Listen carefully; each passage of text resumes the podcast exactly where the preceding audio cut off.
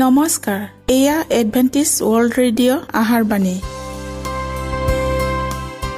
ঊনৈছ মিটাৰ বেণ্ডত পোন্ধৰ হাজাৰ পাঁচশ পঞ্চাছ কিলো হাজত এডভেণ্টিছ ৱৰ্ল্ড ৰেডিঅ' যোগে অসমীয়া ভাষাত প্ৰচাৰিত আহাৰ বাণী প্ৰত্যেক বুধবাৰ আৰু দেওবাৰ সন্ধিয়া সাত বজাত আহাৰ বাণী শুনাৰ পিছত আপোনালোকৰ কিবা মন্তব্য আৰু প্ৰশ্ন থাকিলে আমালৈ এই ঠিকনাত লিখক। আমাৰ ঠিকনাটি হৈছে Adventist world radio' seven day Adventist মণ্ডলী অসম শাখা লতাকাটা বশিষ্ট গুৱাহাটী সাত আঠ এক শূন্য দুই ন।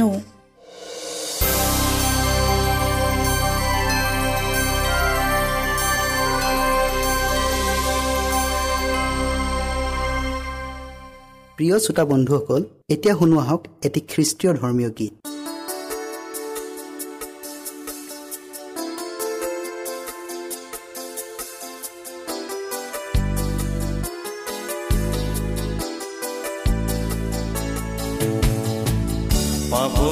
খান্দত লৈ কিমান দিন থাকিবা সংসাৰ গধুৰ বেদনালৈ কিমান দিন থাকিবা তুমিয়ে পৃথিৱী পাপৰ বোজা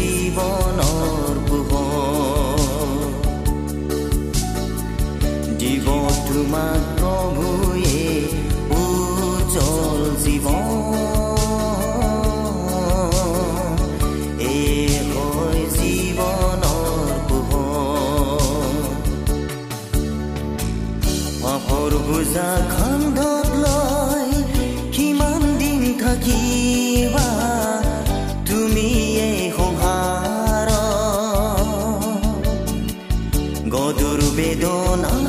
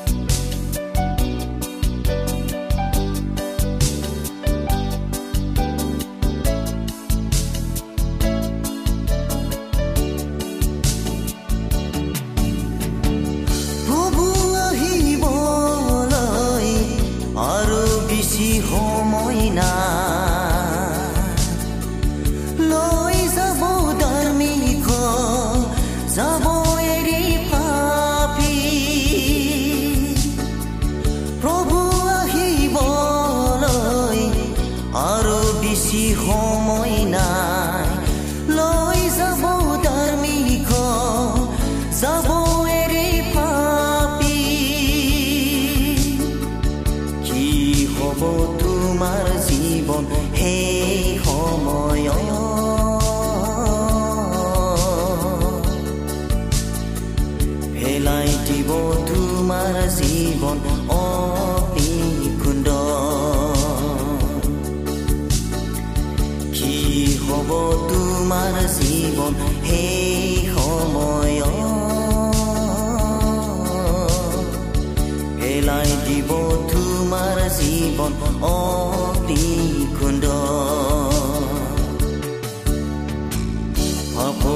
sun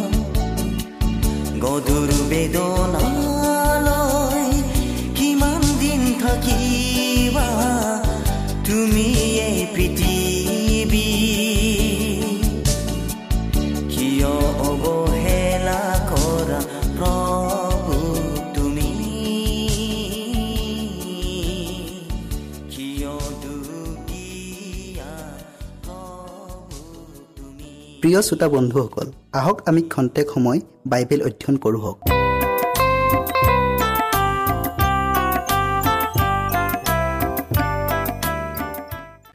প্ৰিয় শ্ৰোতাসকল আজি আমি যোৱা অনুষ্ঠানৰ ছয়তানৰ ফান ইয়াৰ শেষ অংশটো অধ্যয়ন কৰোঁ হওক। অধ্যয়ন কৰাৰ আগতে আমি ঈশ্বৰৰ পৰা আশীৰ্বাদ খোজোঁ হওক। স্বৰ্গত থকা অসীম দয়াময় ঈশ্বৰ জেহুৱা ধন্যবাদ প্ৰভু তোমাৰ অনুগ্ৰহ আৰু আশীৰ্বাদৰ বাবে। প্ৰভু তুমি প্ৰত্যেক শ্ৰোতাক তোমাৰ পবিত্ৰ আত্মাতি তেওঁলোকৰ হৃদয় স্পৰ্শ কৰি দিয়া আৰু অধ্যয়নৰ শেষলৈকে থাকা। যীশুৰ নামত খুজিলোঁ। আমেন। ঈশ্বৰক অবিশ্বাস কৰাটো এখন অপৰিৱৰ্তনীয় হৃদয়ৰ স্বাভাৱিক বিকাশ যি তেওঁৰ প্ৰতি সদায় শত্ৰুতা দেখুৱায়। কিন্তু বিশ্বাস পবিত্ৰ আত্মাৰ দ্বাৰাই অনুপ্ৰাণিত হয় আৰু ই যেনেদৰে বিকশিত হ'ব লাগে তেনেদৰে বিকশিত হয়। এটা নিৰ্ণায়ক প্ৰচেষ্টাৰ অবিহনে কোনেও বিশ্বাসত সবল হ'ব নোৱাৰে। চল পোৱাৰ লগে লগে অবিশ্বাসৰ শক্তিও বাঢ়ি যায় আৰু যদি মানুহে সেই প্ৰমাণ যিটোক ঈশ্বৰে তেওঁবিলাকৰ বিশ্বাস জীয়াই ৰাখিবলৈ প্ৰদান কৰিছে তাৰ ওপৰত স্থিৰ হৈ থকাৰ পৰিৱৰ্তে নিজকে প্ৰশ্ন কৰাত আৰু কোট উলিওৱা নাইবা ভুল ধৰা কাৰ্যত এৰি দিয়ে। তেতিয়াহ'লে তেওঁবিলাকে দেখিব যে তেওঁবিলাকৰ সন্দেহ ক্ৰমাৎ দৃঢ়ৰ পৰা দৃঢ়তাপূৰ্ণ অৱস্থা এটালৈহে গৈ আছে। কিন্তু যিবিলাকে ঈশ্বৰৰ প্ৰতিজ্ঞাবোৰক সন্দেহ কৰে আৰু তেওঁৰ অনুগ্ৰহৰ নিশ্চয়তা আৰু প্ৰতিশ্ৰুতিক অবিশ্বাস কৰে। তেওঁবিলাকে তেওঁৰ অশ্ৰদ্ধা কৰি আছে। আৰু তেওঁবিলাকৰ এনে আচৰণ আৰু প্ৰভাৱে আন লোকবিলাকক খ্ৰীষ্টৰ কাষলৈ ওচৰ চপাই অনাৰ পৰিৱৰ্তে তেওঁৰ পৰা দূৰলৈহে আঁতৰাই পঠিয়াইছে। তেওঁবিলাক ফল নধৰা গছৰ নিচিনা যি নিজৰ ঠাল টেঙুৰিবোৰক চাৰিওফালে বিস্তাৰিত হ'বলৈ দিয়ে আৰু পাতেৰে পৰিপূৰ্ণ হৈ আন গছ গছনিবোৰৰ ওপৰত সূৰ্যৰ পোহৰ পৰিবলৈ নিদিয়ে আৰু তাৰ শীতল ছায়াত নিশকীয়া হৈ মৰিবলৈ বাধ্য কৰায়। এনেবিলাক মানুহৰ জীৱনৰ কৰ্মবোৰ তেওঁৰ বিৰুদ্ধে উৰ নপৰা সাক্ষত পৰিণত হ'ব। তেওঁবিলাকে সন্দেহ আৰু নাস্তিকতাৰ বীজ সিঁচি আছে যি অৱশ্যে এদিন গুটি ধৰিব। প্ৰিয় শ্ৰোতাসকল যিবিলাকে সঁচাকৈয়ে আন্তৰিকতাৰে সন্দেহৰ পৰা মুক্ত হ'ব বিচাৰে তেওঁবিলাকে অনুসৰণ কৰিব পৰা এটাই মাথোন পথ আছে। তেওঁবিলাকে যিটো বিষয়ৰ বিষয়ে নাজানে সেইটো বিষয়ৰ বিষয়ে কোনো প্ৰশ্ন নকৰাকৈ আৰু ভুল ধৰিব নাইবা কোট উলিয়াবলৈ চেষ্টা নকৰাকৈ তেওঁবিলাকে যি বিষয়বোৰক ইতিমধ্যে বুজিলে জানিলে সেই বিষয়টোৰ ওপৰত অধিক মনোযোগ দিয়ক আৰু তেতিয়া অধিক জ্ঞান আৰু পোহৰ লাভ কৰিব। যিবিলাকক তেওঁবিলাকে ভালকৈ বুজি পালে তেনেবিলাক প্ৰতিটো কাৰ্যকে তেওঁবিলাকে সুন্দৰকৈ কৰি যাওক আৰু তেতিয়া যিবিলাক বিষয়ৰ বিষয়ে তেওঁবিলাকৰ সন্দেহ আছিল সেইবিলাক বিষয়ক বুজিবলৈ আৰু সমাধান কৰিবলৈ তেওঁবিলাকে সক্ষম হ'ব। ছয়তানে সত্যৰ সুবসু ৰূপত আন এটাক নকল সত্য তৈয়াৰ কৰিব পাৰে যি সেইসকল লোকক প্ৰতাৰণা কৰিব পাৰে যিসকলে প্ৰতাৰিত হ'বলৈ ইচ্ছা কৰে। যিসকলে সত্যতাই বিচৰা ধৰণে আত্মত্যাগ আৰু আত্মবলিদান লেখীয়া কাৰ্যৰ পৰা এৰাই চলিবলৈ ইচ্ছা কৰে। কিন্তু যিকোনো মূল্যৰ বিনিময়ত হ'লেও যিজন ব্যক্তি আন্তৰিকতাৰে সত্যতাক জানিবলৈ হাবিয়া কৰে সেইজন ব্যক্তিক ছয়তানৰ শক্তিয়ে ধৰি ৰখাটো অসম্ভৱ। খ্ৰীষ্টই হৈছে সত্য আৰু পোহৰ। যিজনাই প্ৰতিজন মানুহক পোহৰ দিবলৈ জগতলৈ আহিছিল। জোহন এক অধ্যায়ৰ নৌপদত মানুহক সকলো সত্যতাত চলাই নিবলৈ সত্যতাৰ আত্মা পঠাই দিয়া হ'ল আৰু ঈশ্বৰৰ পুত্ৰজনাৰ ক্ষমতাত এইদৰে ঘোষণা কৰা হৈছে। বিচৰা তেহে পাবা। যদি কোনো মানুহ তেওঁৰ ইচ্ছা পালন কৰে তেওঁ ধৰ্মত্বক জানিব। মঠি সাত অধ্যায়ৰ সাত পদ। আৰু জোহন সাত অধ্যায়ৰ সোতৰ পদ। প্ৰিয় শ্ৰোতাসকল খ্ৰীষ্টৰ অনুসৰণকাৰীসকলে তেওঁবিলাকৰ অহিতে ৰচনা কৰা ছয়তানৰ জ্বৰ যন্ত্ৰণাৰ বিষয়ে খুব কমকৈহে জানে। কিন্তু তেওঁ যিজনা স্বৰ্গৰ সিংহাসনখনত বহি আছে তেওঁ তেওঁৰ মহান উদ্দেশ্য সিদ্ধ কৰিবলৈ এই সকলোবোৰ জ্বৰ যন্ত্ৰ ওপৰাই পেলাব। প্ৰভুৱে তেওঁৰ নিজৰ লোকবিলাকক ভয়ংকৰ অগ্নি পৰীক্ষাত পৰিবলৈ এৰি দিয়ে। তেওঁবিলাকৰ নিৰাশা আৰু দুখ কষ্ট দেখি যে তেওঁ আনন্দ পায় তেনে নহয়। কিন্তু তেওঁবিলাকৰ অন্তিম বিজয়ৰ বাবে এনে পৰীক্ষা অপৰিহাৰ্য। তেওঁ তেওঁৰ শক্তিৰে তেওঁবিলাকক সকলো সময়তে পৰীক্ষাৰ পৰা ৰক্ষা কৰি থকাটো সমীচীন নহয়। কাৰণ প্ৰতিটো পৰীক্ষা আৰু প্ৰলোভন তেওঁবিলাকৰ বাবে এইটো কাৰণতে প্ৰস্তুত কৰা হৈছে যাতে তেওঁবিলাকে দুষ্টতা আৰু অধাৰ্মিকতাৰ সকলোবোৰ সন্মুখনি শক্তিক প্ৰতিৰোধ কৰিব পাৰে। দুষ্ট মানুহেই হওক নাইবা ছয়তানেই হওক কোনেও ঈশ্বৰৰ কাৰ্যক প্ৰতিৰোধ কৰিব নোৱাৰে। অথবা মানুহ যদি নিজকে সংযত কৰি ৰাখে। অনুতপ্ত হৃদয়ৰ সহিত নিজৰ পাপ স্বীকাৰ কৰি পাপক আঁতৰাই পঠায় আৰু বিশ্বাসেৰে তেওঁৰ প্ৰতিজ্ঞাক দাবী কৰে। তেন্তে ঈশ্বৰৰ ওচৰৰ পৰা তেওঁবিলাকক খেদি পঠিয়াব নোৱাৰে। প্ৰতিটো পৰীক্ষা প্ৰলোভন প্ৰতিটো হানিকাৰক কুপ্ৰভাৱ মুক্তই হওক বা গোপনেই হওক কৃতকাৰ্যতাৰে প্ৰতিৰোধ কৰিব পৰা যায়। শক্তি বা পৰাক্ৰমৰ দ্বাৰাই নহয় কিন্তু মোৰ আত্মাৰ দ্বাৰাইহে ইয়াক বাহিনীবিলাকৰ জীহুৱাই কৈছে জখৰীয়া চাৰি অধ্যায়ৰ ছয় পদত। কিয়নো প্ৰভুৰ চকু ধাৰ্মিকবিলাকলৈ আৰু তেওঁৰ কাণ তেওঁবিলাকৰ প্ৰাৰ্থনালৈ তোমালোক যদি উত্তমলৈ উদ্যোগী হোৱা তেন্তে তোমালোকক অত্যাচাৰ কৰিব পৰা কোন? প্ৰথম পিতৰ তিনি অধ্যায়ৰ বাৰ আৰু তেৰ পদত। যেতিয়া বিলিয়ম ঐশ্বৰ্য বিভূতিৰ প্ৰতিজ্ঞাৰ দ্বাৰাই মুগ্ধ হৈ ইজৰাইলৰ অহিতে থিয় দিছিল আৰু ঈশ্বৰৰ উদ্দেশ্য বলিদান দিয়াৰ দ্বাৰাই তেওঁৰ লোকবিলাকৰ ওপৰতে হাও দিবলৈ বিচাৰিছিল তেতিয়া ঈশ্বৰ যি হয় আত্মাই ইজৰাইলৰ ওপৰত সেই অমংগল পৰিবলৈ দিয়া নাছিল। আৰু বিৰিয়মো এই বুলি ক'বলৈ বাধ্য হৈছিল। ঈশ্বৰে হাও নিদিয়া লোকক মই কেনেকৈ হাও দিম? আৰু জিহুৱাই ধিক্কাৰ নিদিয়া লোকক মই কেনেকৈ ধিক্কাৰ দিম? ধাৰ্মিকৰ মৃত্যুৰ নিচিনা মোৰ মৃত্যু হওক আৰু তেওঁৰ শেষ গতিৰ নিচিনা মোৰ শেষ গতি হওক।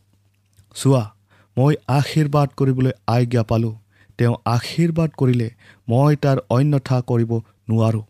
তেওঁ জাকুবৰ অধৰ্ম দেখা নাই বা ইজৰাইলৰ মাজত দুষ্টতা দেখা নাই। নিজ ঈশ্বৰ যি হোৱা তেওঁৰ লগত থাকে আৰু তেওঁবিলাকৰ মাজত ৰজাৰ জয় ধ্বনি আছে। নিশ্চয়ে জাকুবৰ মাজত লক্ষণ চোৱাৰ দষ্ট নাই। ইজৰাইলৰ মাজত মংগল চোৱা কাৰ্য নাই। এতিয়া জাকুব আৰু ইজৰাইলৰ বিষয়ে কোৱা যাব ঈশ্বৰ কেনে কৰিলে? তথাপিতো তৃতীয়বাৰৰ বাবে বেদী নিৰ্মাণ কৰা হৈছিল আৰু বিলিয়ম আকৌ এবাৰ এটা শান্ত উচ্চাৰণ কৰিবলৈ অসমৰ্থ হৈছিল।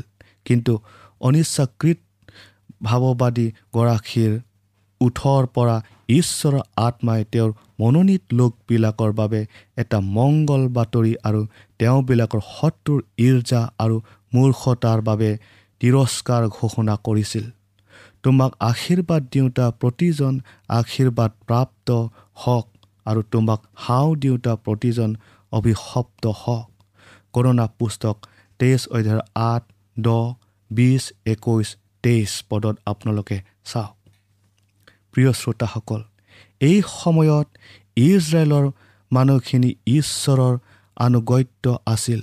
আৰু যিমান দিনলৈকে তেওঁবিলাকে তেওঁৰ বিধানৰ প্ৰতি বাধ্য হৈ চলি আছিল পৃথিৱী নাইবা নৰকৰ কোনো শক্তিয়ে তেওঁবিলাকৰ অহিতে অপকাৰ কৰিব পৰা নাছিল। কিন্তু যি অভিশাপটোক বিলিয়মে ঈশ্বৰ লোকবিলাকৰ অহিতে উচ্চাৰণ কৰিবলৈ অনুমতি পোৱা নাছিল সেই অভিশাপটোক সি অৱশেষত তেওঁবিলাকক চলনাৰে পাপত পতীত কৰোৱাৰ দ্বাৰাই তেওঁবিলাকৰ অহিতে উচ্চাৰণ কৰিছিল। যেতিয়া তেওঁবিলাকে ঈশ্বৰৰ বিধান উলংঘন কৰিছিল তেতিয়া তেওঁবিলাকে তেওঁৰ পৰা পৃথক হৈ পৰিছিল আৰু তেওঁবিলাকে বিনাশকাৰীজনৰ শক্তিৰ সন্মুখীন হ'বলৈ অকলশৰীয়া হৈছিল। ছয়তান এইটো কথা খুব ভালকৈ জানে যে কৃষ্টৰ লগত সংযুক্ত হৈ থকা আটাইতকৈ দুৰ্বল ব্যক্তিজনো অন্ধকাৰৰ বাহিনীটোতকৈও অধিক শক্তিশালী। আৰু সি যদি মুকলিকৈ নিজকে দেখা দিয়ে তেন্তে সি তেনে ব্যক্তিৰ সন্মুখীন হ'ব লাগিব আৰু নিশ্চিতভাৱে প্ৰতিৰোধ পাব। গতিকে সেই ক্ৰুচৰ সৈনিকসকলক সি তেওঁবিলাকৰ সুৰক্ষাৰ দৃঢ় ভিত্তিমূল কৃষ্টৰ পৰা আঁতৰাই পঠিয়াবলৈ চেষ্টা কৰে। যেতিয়া সি তাৰ এলেকাৰ ভিতৰত প্ৰৱেশ কৰা সকলোকে ধ্বংস কৰিবলৈ তাৰ সৈন্য বাহিনীৰ সৈতে খাপ পিটি থাকে। কেৱল নম্ৰতাৰে ঈশ্বৰৰ ওপৰত সম্পূৰ্ণ ভৰসা কৰা আৰু তেওঁৰ বিধানক বাধ্যতাৰে পালন কৰাৰ দ্বাৰাহে আমি সুৰক্ষিত হ'ব পাৰোঁ। প্ৰিয় শ্ৰোতাসকল প্ৰাৰ্থনাৰ অবিহনে কোনো মানুহ এদিন বা এঘণ্টাৰ বাবেও সুৰক্ষিত হ'ব নোৱাৰে। বিশেষকৈ তেওঁৰ বাক্যক বুজিবলৈ জ্ঞান লাভৰ বাবে প্ৰাৰ্থনা একান্ত বাঞ্ছনীয়। কাৰণ তেওঁৰ বাক্যতে প্ৰতাৰকজনৰ কুট কৌশল আৰু উপায় পদ্ধতিবোৰ প্ৰকাশ পায় যাৰ দ্বাৰাই সি মানুহক পাহৰায়। বাইবেলৰ পৰা শাস্ত্ৰপদ উদ্ধৃত দিয়াৰ ক্ষেত্ৰত ছয়তান বৰ পাকৈত শাস্ত্ৰপদবোৰৰ ব্যাখ্যাটো সি নিজৰ মতে দিয়ে যাৰ দ্বাৰা সি আশা কৰে। আমি যেন উজুতি খাওঁ সেইকাৰণে আমি এখন নম্ৰ হৃদয়লৈ বাইবেল অধ্যয়ন কৰা উচিত। ঈশ্বৰৰ ওপৰত আমাৰ যি ভৰসা আছে তাক কেতিয়াও হেৰুৱাই ল'ব নালাগে। ছয়তানৰ কুট কৌশলৰ অহিতে যেতিয়া আমি নিজকে ৰক্ষণাবেক্ষণ দি থাকোঁ। তেতিয়া বিশ্বাসেৰে নিৰন্তৰ প্ৰাৰ্থনাৰে আমি এইদৰে প্ৰাৰ্থনা কৰা উচিত। হে প্ৰভু আমাক পৰীক্ষালৈ নিনিবা। প্ৰিয় শ্ৰোতাসকল এইটোৰ বিষয়ে আজি আমি ইয়াতে সামৰিলোঁ। আশা কৰোঁ আপোনালোকে সম্পূৰ্ণকৈ বুজি পাইছে বুলি। ঈশ্বৰে আপোনালোকক আশীৰ্বাদ কৰক।